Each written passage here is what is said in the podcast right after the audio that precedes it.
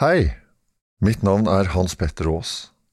Det er jeg som forteller dere historien om Reidar Edvin Sandanger. Sammen med kollegene mine, Elisabeth Risa og Rune Vanvik, har jeg forsøkt å finne ut hva som egentlig skjedde med Reidar den gangen for sju år siden. Hvorfor sluttet han plutselig å kontakte datteren sin i Bergen, sønnen i Stavanger og søsknene i Sauda? Hvem var det som sendte de mystiske meldingene som plutselig dukket opp i flere måneder etter at Reidar forsvant? Og hva gjorde egentlig politiet i Norge og i Brasil for å finne ham? Etter å ha hørt de første to episodene håper jeg du har lyst til å bli med oss videre i fortellingen.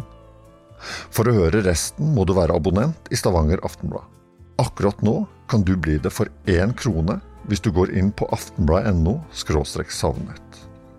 Da får du tilgang til resten av episodene etter hvert som de blir ferdige. Vi jobber fortsatt med serien når du hører dette.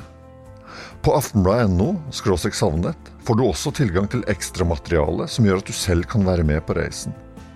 Kanskje du ser noe i dokumentene, meldingene og bildene som ikke vi har lagt merke til. I tillegg til selve podkasten skriver vi en rekke artikler om historien om Reidar. Alt dette finner du på aftenbladet.no savnet. Jeg håper vi høres der.